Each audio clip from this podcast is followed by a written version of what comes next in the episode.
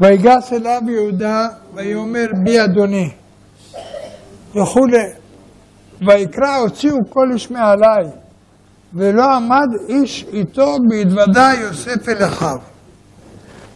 התוודות יוסף אל אחיו הוא עניין האחדות בתוך מחנה ישראל פנימה. אנו רואים כאן דבר גדול, שאחדות ישראל היא שורש עצום שצריכים ישראל להיות לבדם זה עם זה, בלי אחרים מגויי הארץ.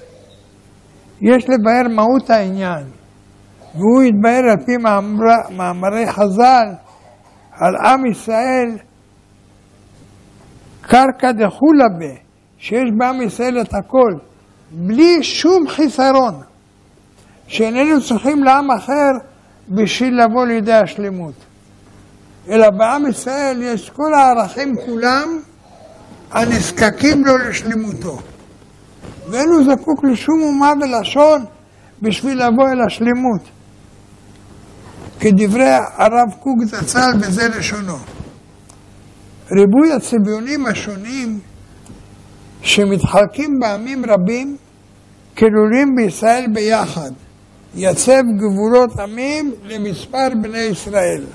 מתוך כך הם, הם עלולים להיות לפרודים ומחלוקת פנימיים, ומתוך כך יכולים להיות לעולם עם לבדת, לבלתי להתערב בין העמים. בין מחסור כל, הנטיות והכישרונות השונים. קרקע דקולה ממנו כהניו, ממנו נהייו, ממנו שריו, ממנו מלאכיו, שנאמר ממנו פנה, ממנו יתד. התורה כולה, שמכללת בעוז עצמיות וסגולותיה ובשיווי אורחות חיה את הכלל כולו ואת פרטיו, היא התריס בפני הפירודים. מכל שינוי הדעות והדפוסים בכמה עניינים רוחניים וחומריים, מופיע ידה הטוב על הכללי, שמאחד את כולם בכללות קיומה של תורה, מלבד הרשעים המוחלטים העוקרים בית ישראל ופורקים עולה העליון ביד רמה. כדוברה ברוריה למינה, רוני הכרה שלא ירד הבנים לגיהינום כבתיו, שריבוי הכוחות יפה הוא לאומה והתאחדם בשורש קיומה בתורה. הרב יורד לעומק הסיבה מדוע סכנת הפירוד והמחלוקות בעם ישראל היא גדולה יותר מאצל כל אומה ולשון. יסוד העניין הוא שבמחלוקת נובע בכלל הגיוונים השונים, שכל אחד אחוז מבחינה שונה, הוא מרגיש את חשיבותה וחש את הסתירה שבאה על ידי גוון אחר. הנה, כל, ככל שהגיוונים מרובים יותר ומקיפים צדדים רחבים יותר, כך סכנת המחלוקת גדולה יותר. כי ההופכים מתנגשים זה בזה. וטבע כל עם שהוא מיוסד על גוון מסוים, יש בקרבו את כל הצדדים שקיימים בהווה כולו. כי הוא מרכז ההוויה, וכטבע המוח שיש בו הזיקה לכל האיברים. כך בעם ישראל יש את הגוונים כולם שקיימים בהווה. ונודע שבהוויה יש בחינות רבות, ואפילו הופכיות לגמרי. לכן סכנת הפירוד בעם ישראל היא גדולה, כי יש בתוכנו כוחות שממש הופכיים זה לזה. כל, ככל שעם ישראל הוא ביחד, אז אנחנו, כל אומה לא יכולה עלינו. כי יש בתוכנו כוחות של ממש, ונוסף על זה, שבעם ישראל תביעת החיים היא גדולה מאוד, כך שכל כוח פועל בכל מרצו לגלות את עצמו ולת... ולבטא את הגוון שלו, וממילא על ידי כך יש התנגשויות בתוך המחנה. ישראל, יש התנגשויות בתוך מחנה ישראל עלולות להיות גדולות וחזקות מאוד, לכן סכנת הפירוד והמחלוקת היא גדולה, כי יש עמדות רבות ומנוגדות. הנה בוודאי, רפואת המחלוקת היא בידיעה עליונה, שכל הגוונים השונים משלימים זה את זה. ועל ידי כך נתקן עולם שלם ומלא כל טוב. דווקא מתוך כל הבחינות הרבות, מבלי לוותר על שום בחינה, שום צביון, אך בשביל זה צריך לגלות את אור השלם העליון, שהוא סוד התורה העליונה, פנימיות התורה, שהיא משימה שלום בעולם. כללו של דבר, שורש המחלוקת בעם ישראל נובע מגדולת העם שיש בו נשמות גדולות עם כוחות מרובים, ויש בו גוונים שונים, שלכן הסתירות קיימות. והנה יוסף הצדיק הוא מידת היסוד, שהוא בבחינת השלום, כידוע, כפי שמובן בספרים הקדושים, שהיסוד נקרא שלום, כדברי בעל השערי עולה. אני אקרא קצת מלשונו שהוא מביא בספר שערי אורה. לפעמים נקראת מידה זו שכל טוב. לפי שמן המידה הזאת ייכנס אדם לאספרקריה המהירה, ובמידת אל חי ישכיל אדם דרך להיכנס ולדעת ולהתבונן ולהתחכם באמיתות השם יתברך. מידה זו נקראת שכל טוב, עומדת עם האדם בהיותו מקיים התורה והמצוות. וסימנו איך ראשית חוכמה יראת השם, שכל טוב לכל עושים, שכל טוב לכל עושים. לפי שהיה דוד המלך עליו השלום דבק במידה זו, היה אומר לדוד משכיל, וכל לשון משכיל במקום הזה זה תלוי. היודע סוד החן ידע שכל טוב ייתן חן, ודע כי יש הפרש, שיש הפרש בין משכיל ובין מבין. יש הפרש. כי סוד מבין הוא מהמשכת מקור הבינה, והמשכיל מהמשכת הטוב תחילה בסוף. הנה המידה הזאת נקראת בכל התורה כולה. הטעם כבר הודענוך, בהיות ישראל צדיקים וטובים, אז מידת הדת שם במילוי ובשלמות בכל מיני שפע וברכה. ואם חס ושלום יצאו ישראל מחפץ השם יתברך, אזי מידת רחמים הנקראת הוויה מסתלקת מהיכל א' ד' נ' י'. ואז נשארת ריקנית ושפלה. ובהיות צדיק מתעורר בעולם לשוב בתשובה, או לתקן הקלקול, אזי המידה הזאת נקראת שלום. מיליץ טוב בין השם ובין שם הדנות. שם הוויה ושם הדנות. והוא המטיל שלום ביניהם ומקרב אותם לשכום ביחד, בלי פירוט וקיצוץ בעולם. ונמצא שם הוויה אחד באותה שעה. ודע ואמן שאי אפשר לבוא ברכה לעולם זולת היא על, על ידי המידה הנקראת שלום. שלום, על זה נאמר, השם יברך את עמו בשלום. ככה אומר לנו דוד המלך בתהילים. ואמרו ז"ל, אין לך כלי מחזיק ברכה, אלא שלום. ודע, כי לפי שהשלום הוא סוף תשע אספקלריות עליונות, והוא אמריק ברכה בשם הדנות, לפיכך נקרא בסוף ברכת כהנים ובסוף ברכה אחרונה של תפילה. הטעם כי על פיו יצאו ועל פיו יבואו. כל הבאים להידבק באור העליון הנקרא חיי העולם הבא, ויש לי לעורר על הסוד הפנימי. דע, כי אמרו רבותינו, כשעלה משה למרום, אמר לו הקדוש ברוך הוא, משה, אין שלום בירך? אמר, כלום, יש עבד שנותן שלום לרבו? אמר לו, היה לך לסייעני. באותה שעה פתח משה רבנו עליו השלום ואמר, ואתה יגדל נא כוח אדוני. מה כתיב בתרי? סלחתי כדבריך, ואולם חי אני, כלומר, יחייתני בדבריך. יפה?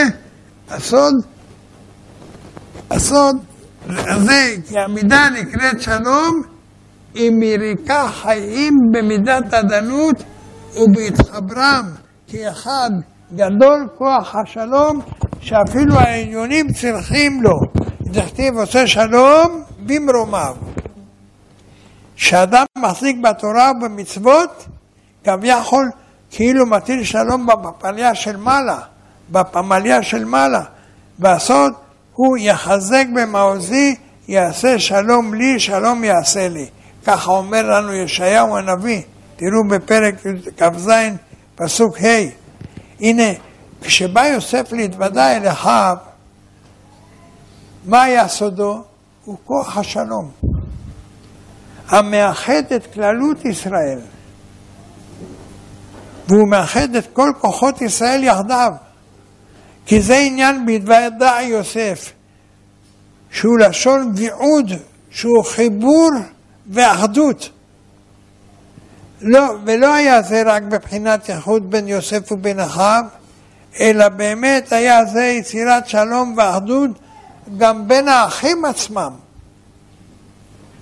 כי יוסף היה כוח המאחד את הכל, ומכוחו נעשו כל בית ישראל אחד ממש. תבינו את הסוד, כי היסוד הוא מחבר את כל המידות העליונות, שהם סוד הגוונים, ובלעדיו הרי הם בבחינת תוהו, שהוא מציאות בלי סדר, בלי אחדות וחיבור. אז יש פירוד, וכן מצינו בעולם התוהו שמידת היסוד לא הופיעה. לכן היה הכל תוהו, ובאו לידי שבירת הכלים.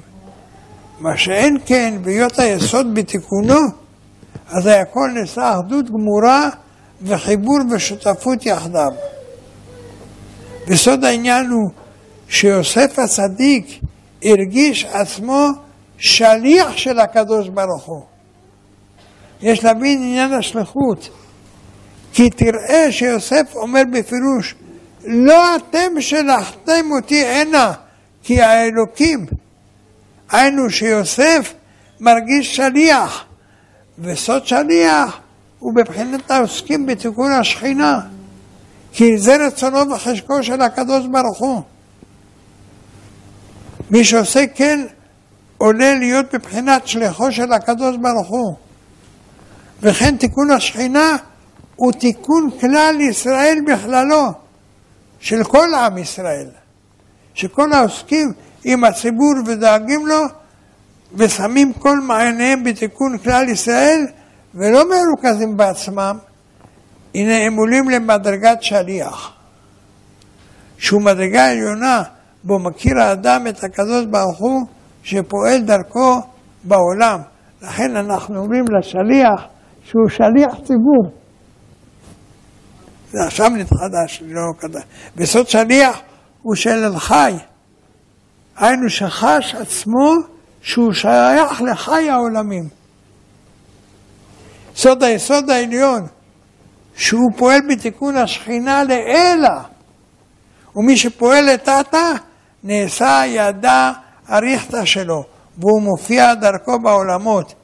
אם כן, עניין השליחות הוא מצב בו אדם מרוכז בכל מאודו במשהו חוץ לו, לתקן ולעלות, ואינו שקוע בעצמו. לכן הוא שליח. עיקרו הוא תיקון השכינה סוד הנוקבה. הנה יוסף היה במעמד של שליחות, ולא חשב מאומה על עצמו, אלא רק על ידי השכינה ועל כלל ישראל. לכן ראה השם את בכל דבר וכיצד הוא שולחו ולא אחרים, הנה תיקון השכינה הוא סוד ביטול התוהו. כי כשכולם מרוכזים בתיקון עם ישראל, אזי מתחברים למגמה משותפת עליונה ונעשים אחים ורעים. אך כשכל אחד חושב לעצמו, או על עצמו, אז באים הפילוגים. נמצא ששורש החיבור נעוץ במטרה עליונה שהיא משותפת לכולם, וזה סוד בחינת הנוקבה.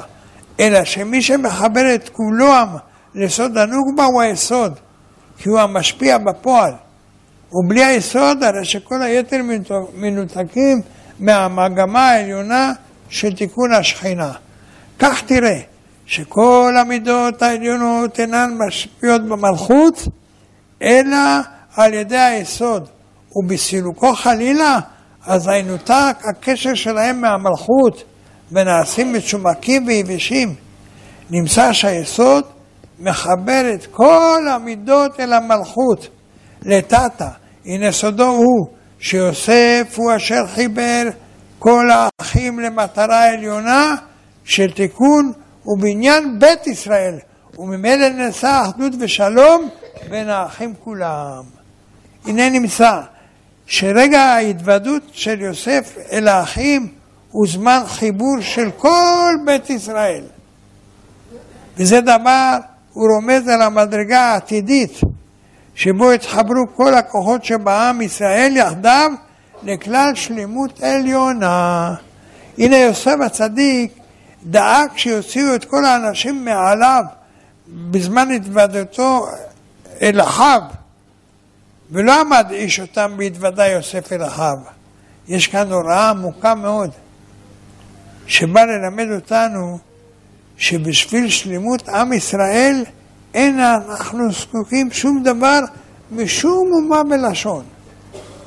היינו שלא תחשוב שבעם ישראל יש נקודות שחיסרון ומקבלות השלמה על ידי האומות, שבהם יש את אותן הנקודות.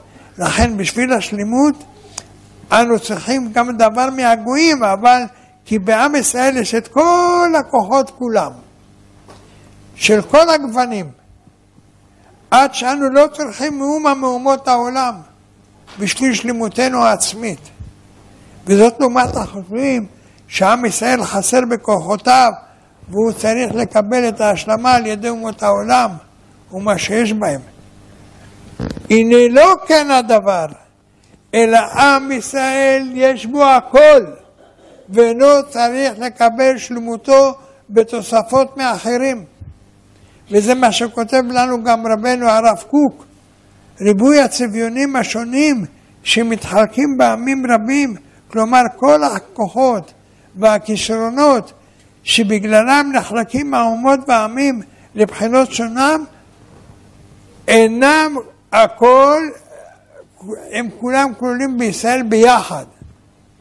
כמאמר הכתוב, יסב גבולות עמים למספר בני ישראל, שבא להורות שעם ישראל כלולים את כל מה שנמצא באנושות.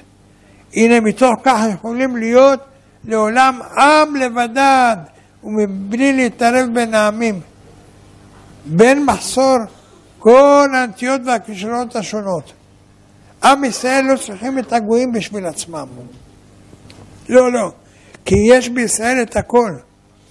כפי שאומרים חכמים, קרקע דחולה ב, ממנו כהניו, ממנו נביאיו, ממנו שריו, ממנו מלאכיו, המלאכים, שנאמר ממנו פנה, ממנו יתד. עם ישראל הוא כרך שיש בו הכל. כהנים, נביאים, שרים ומלאכים, ואין אנחנו צריכים להביא משום עם שום כישרון או ערך לעצמנו. יסוד העניין הוא שעם ישראל הוא בבחינת נשמה לעולם, הנשמה שלמה בתרי"ג איברים, ומצד עצמה אינה צריכה לקבל איברים מהגוף בשביל להשתלם בכל איבריה. אכן הגוף עצמו זקוק לכל האיברים, והיד אינה שלמה בלי הרגל, וכיוצא בזה.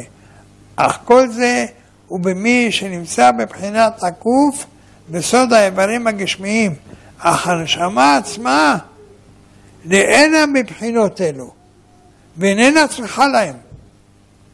אין הנשמה צריכה לקבל השלמה מאיברי הגוף. כן הדבר ביחס לעם ישראל. שהם בבחינת נשמה לאנושות, והם אינם חלק מהאיברים והגוף ככל יתר אומות העולם. לכן מצד זה, נוח הנשמה שלנו שלמה בכל איבריה, ואינה צריכה לקבל השלמה על ידי שום אב ולשון.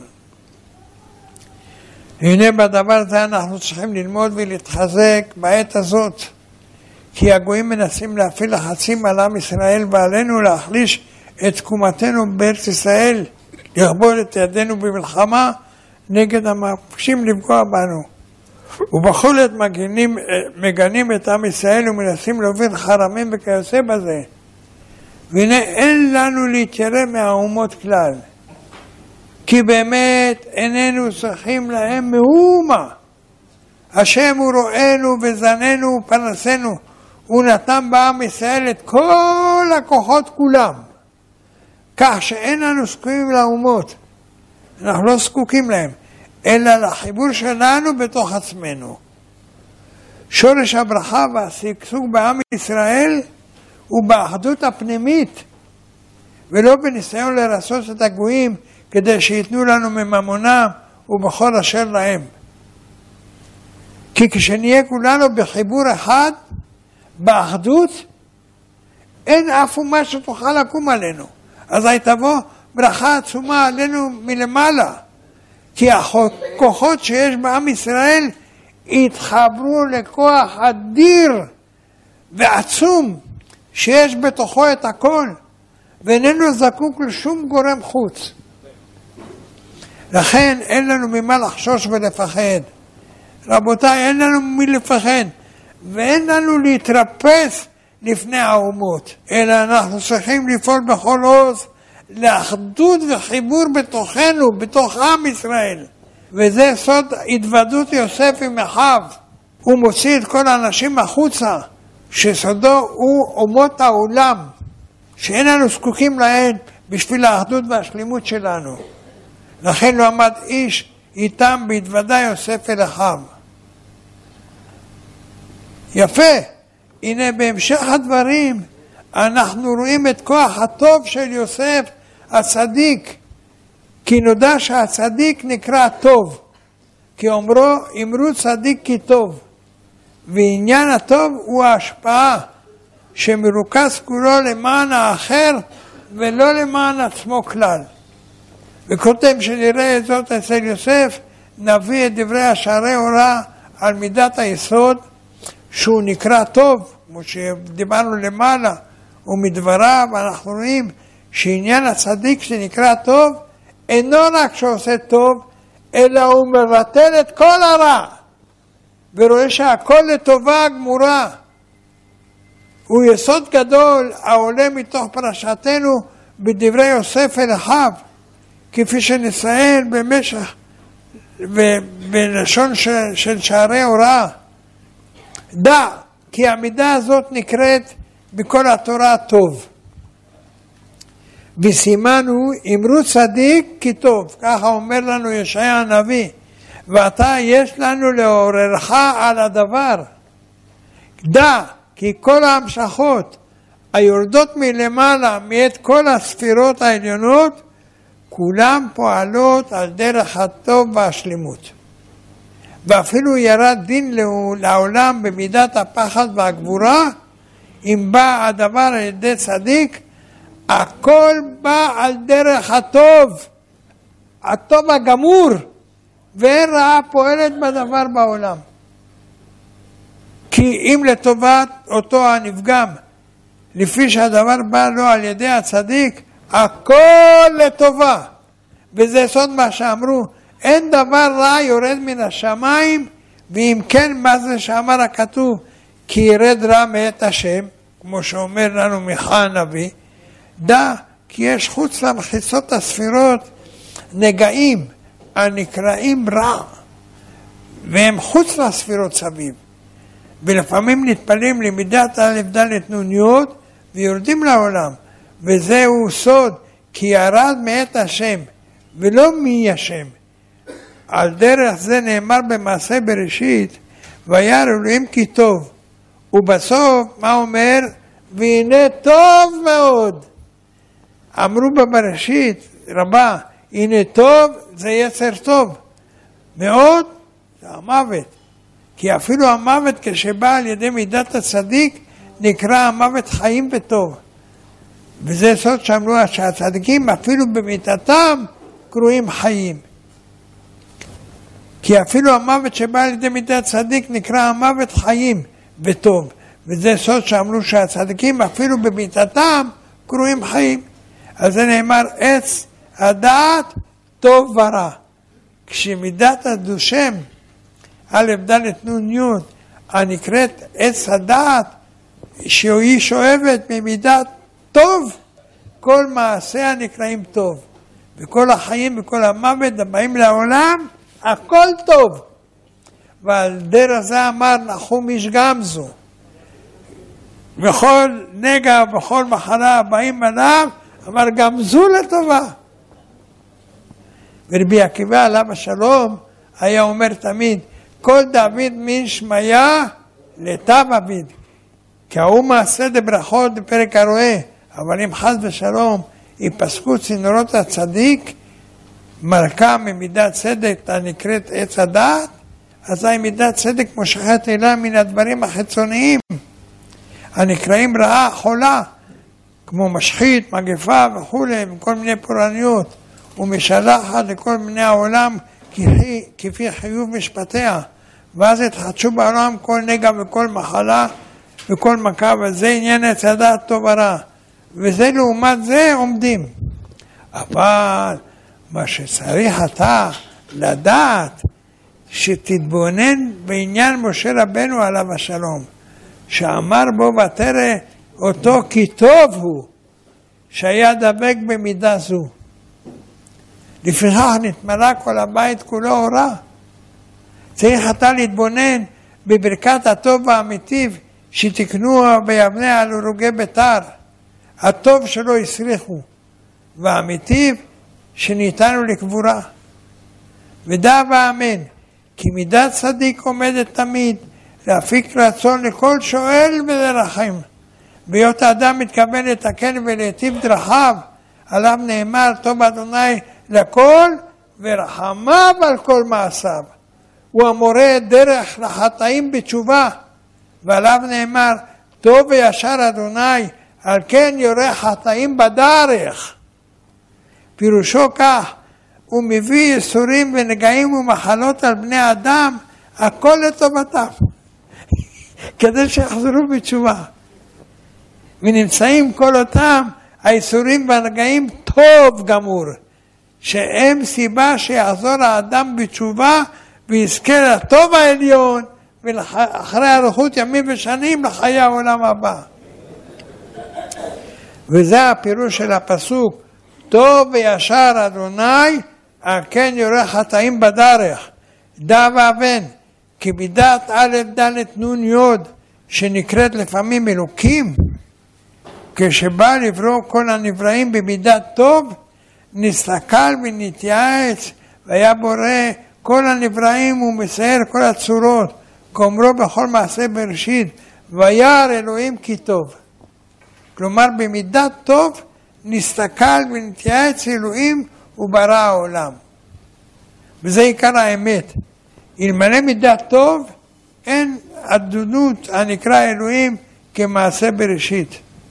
יכול להשלים סיפוק לכל הנבראים וצורכיהם לפי שנחתמו כל מעשה בראשית במידה שהיא נקראת טוב. כתיב וירא אלוהים את כל אשר עשה והנה טוב מאוד. הנה רבנו בעל שערי ההוראה מראה לנו שכוח היסוד הוא כל כך טוב עד שגם הצרות שבאות ממנו איננו רע כלל. אלא טובה גמורה, כי היא לטובתם של הבריות. אך כדי להבין זאת צריך להביט באהבתה רחמה, רחבה וכוללת, על מנת לראות את הטוב שצומח מתוך האיסורים.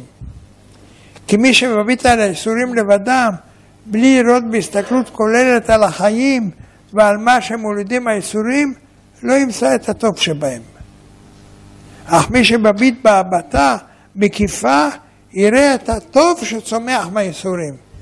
וזה מידתו של יוסף, שנאמר בו, אין נבון וחכם כמוך.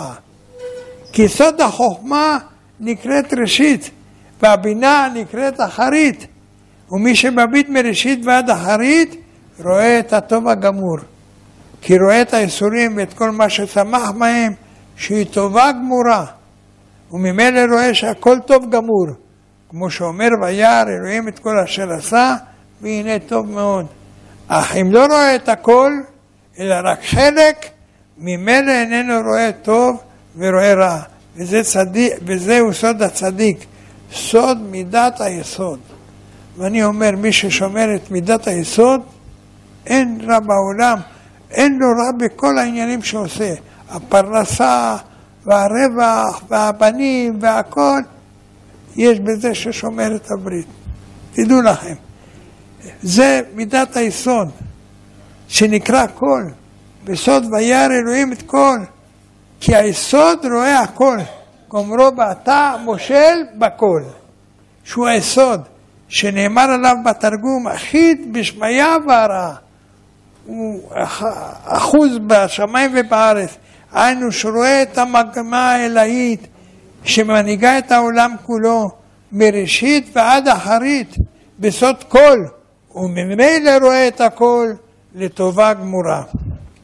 אם כן, אנחנו ראינו את, את בעל שערי ההוראה על מידת הטוב של הצדיק, ומתוך כך ניגש לראות יוסף אצל יוסף בפרשתנו, וככה אנחנו רואים שהדבר שמעסיק את יוסף הצדיק בעת שמתוודע על אחיו הוא בכך שלא יהיה להם מבוכה ובושה ממה שעשו לו.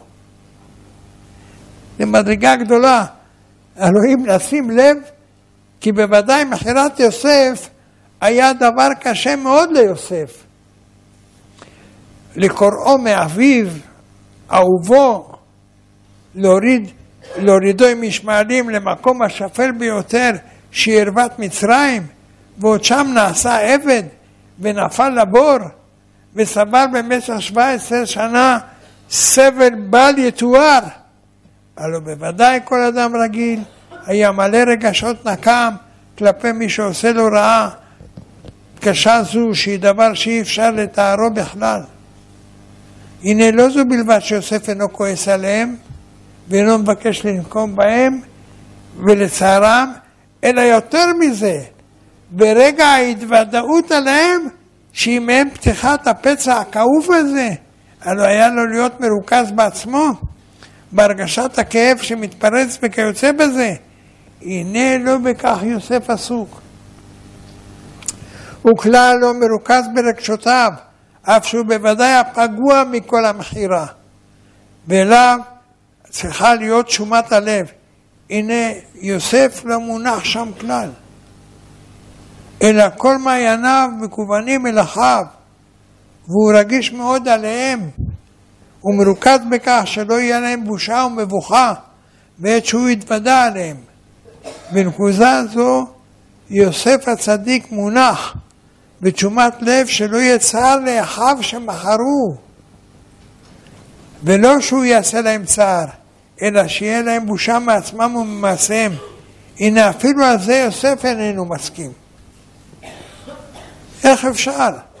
רק צדיק כיוסף יכול להיות, והוא מתאמץ להסביר להם את כל הפרשייה שהתרחשה מנקודת מבט אחרת אלוהית, ולחזק אותם שלא יתעצבו ולא יחושו באי הנעימות. יוסף הצדיק הוא כל כך טוב, עד שההסתכלות העמוקה שלו היא מהפכת את הרעה שחשבו עליו לטובה. ולא רק שהוא לוקח את הדברים לטובה, אלא גם פועל על מי שחשב רעה להראות לו איך באמת השם מנהל את הכל, והכל הכל היה לטובה.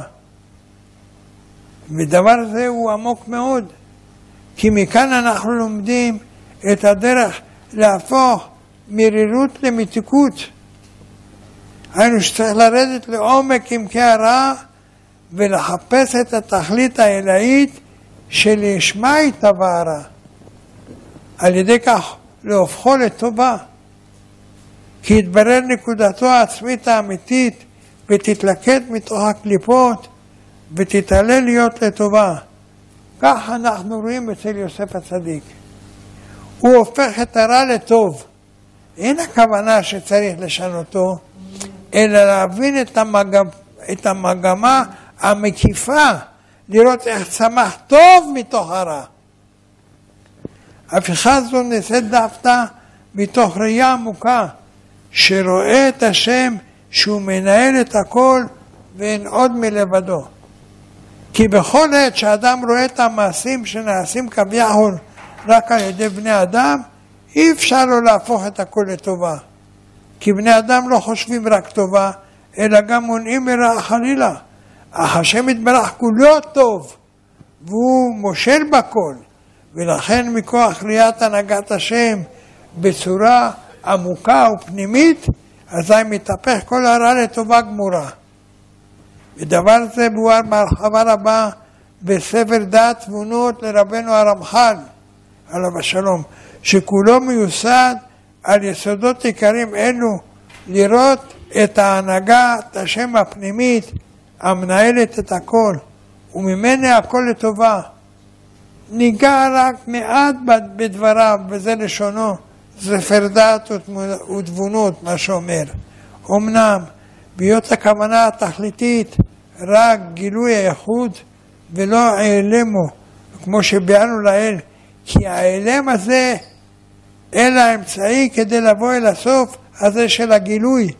על כן, אף על פי שהסתיר פניו לחדש בו דבר, הנהגת הטוב ורע, ורע זאת, שב על כל פנים והשכיב, במידת טובו, לפי חוק ממשלתו, להשלים סיבוב כל ההנהגה הזאת בתיקון הכללי. וזה דבר פשוט, כי כבר שמעת אין קץ לחושך. זה של הטוב ורע כל זמן השיטה אלפין שנין, וכבר גזר מראשית אחרית אשר תכללנה כל אלה, ויישאר ייחודו מגולה, וטובת העולם קבועה לנצח נצחים. אם כן, כל יום ויום שעובר נמצא העולם קרב יותר אל שלמותו, ולא עוד אלא שהקדוש ברוך הוא מסיבות מתהפך בעומק עצתו, מגלגל גלגולים תמיד, להביא העולם אל השלמות הזה. והוא מה שאמר הכתוב, שדוד המלך אומר לנו, רבות עשית אתה אדוני אלוהי נפלאותיך ומשאבותיך אלינו. וכן אמר הנביא ישעיה, עצות מרחוק אמונת אומן. וכאן אמר שמואל הנביא, וחשב מחשבות לבלתי יידח ממנו נידח. כי בוודאי אין הקדוש ברוך הוא רוצה לאחוז בדרך הטוב ורע כל הזמן, ואחר כן לעוזבה ולתפוס בדרך הממשלה והאיחוד ברגע אחד, כאדם המתחרט ומתנחם, אלא מעומק עצתו יתברך, ולגלגל מסיבותיו מעומק חוכמה כל כך, עד שמתוך הטוב ורע עצמו נגיע סוף סוף לדבר הזה, שיהיה הכל נשלם, ויהיה הוא יתברך שמו מגלה ייחודו. ועוד יתברר זה לכמה בסייעתא דשמיא. נמצא שבאמת בשתי מידות אלה אוחז האדון ברוך הוא תמיד, ושתיים אלה קבע בחוקו מוסדי ארץ. א', מידת השכר והעונש היא הנהגת הטוב והרע בשיקול אחד לזכות ולחובה, ונקראת הנהגה זו הנהגת המשפט, שהקדוש ברוך הוא יושב ודן כל העולם כולו לפי מעשיהם הטובים והרעים. ועטיה תוך משפטו זה, מידת טובו, אשר לפי חוק שלמותו, לפי עניין ממשלתו, שבכוחו הוא רוצה לתקן את כל העולם, את כל נבראיו. והנה לפי מידת השכר והעונש, הקדוש ברוך הוא כביכול משעבד מעשיו למעשה בני אדם, שאם הם טובים, הוא גם יטיב להם, ואם הם רעים, יוכרח כביכול להענישם. כעניין הכתוב, תנו עוז לאלוקים. והופכו בספר דברים אומר צור ילדך תשי, כמאמרם ז"ל, בזמן שישראל עושים רצונו של מקום, מוסיפים כוח בגבורה של מעלה, וכשאין עושים רצונו של מקום, מתישים כוח של מעלה חס ושלום. לפי מידת ממשלתו ושליטתו אמר זכריה הנביא, ומשתי את עוון הארץ ההיא ביום אחד. ירמיהו אומר לנו יבוקש את עוון ישראל ואיננו, ואת חטאת יהודה ולא תמצאנה. הנה לפי מידת הטוב ורע, משפטי השם אמת, לתת לאיש כדרכיו, מידה כנגד מידה, והרבה דרכים למקום לשלם לאדם כפעולו, וכאורח איש ימסיינו, עכו לחסד או לשבטו, אך לפי עצת טובו בחוק שלמותו יתברך, הצד השווה שבהן להחזיר את הכל לטוב שלם, לתיקון הגמור שיהיה באחרונה. ועל דבר זה נאמר בספר מלאכי, אני השם לא שיניתי. ובמדרשו של רבי שמעון בר יוחאי, זוכו יגן עלינו, אמרו, ולא אשתנה בכל אתר. אמנם הנהגת השכר והעונש היא המגולת, ונראית תמיד לעיני הכל, אך הגלגול שהוא מגלגל הכל לטובה, עמוק עמוק הוא. ולא אבידה לגילויה, כי אם לבסוף, אבל מתגלגל הוא והולך בכל עת ובכל שעה, ודאי ואינו פוסק. נמצא שבוודאי כבש האדום ברוך הוא כביכול את חוק שלמותו בבריאת הנבראים האלה, וברעם חסרים ולא שלמים, ושם להם דרך הנהגה במין ההשפעה שאיננה אלא חושך סתרו יתברך, שממנו באה מציאות שכולה טוב ורע, ויש מציאות לחטאים ופגמיהם ולאנשים וקלקולים, אף על פי כן שב והביט בטוב חוקו אל הנבראים האלה לתקנם.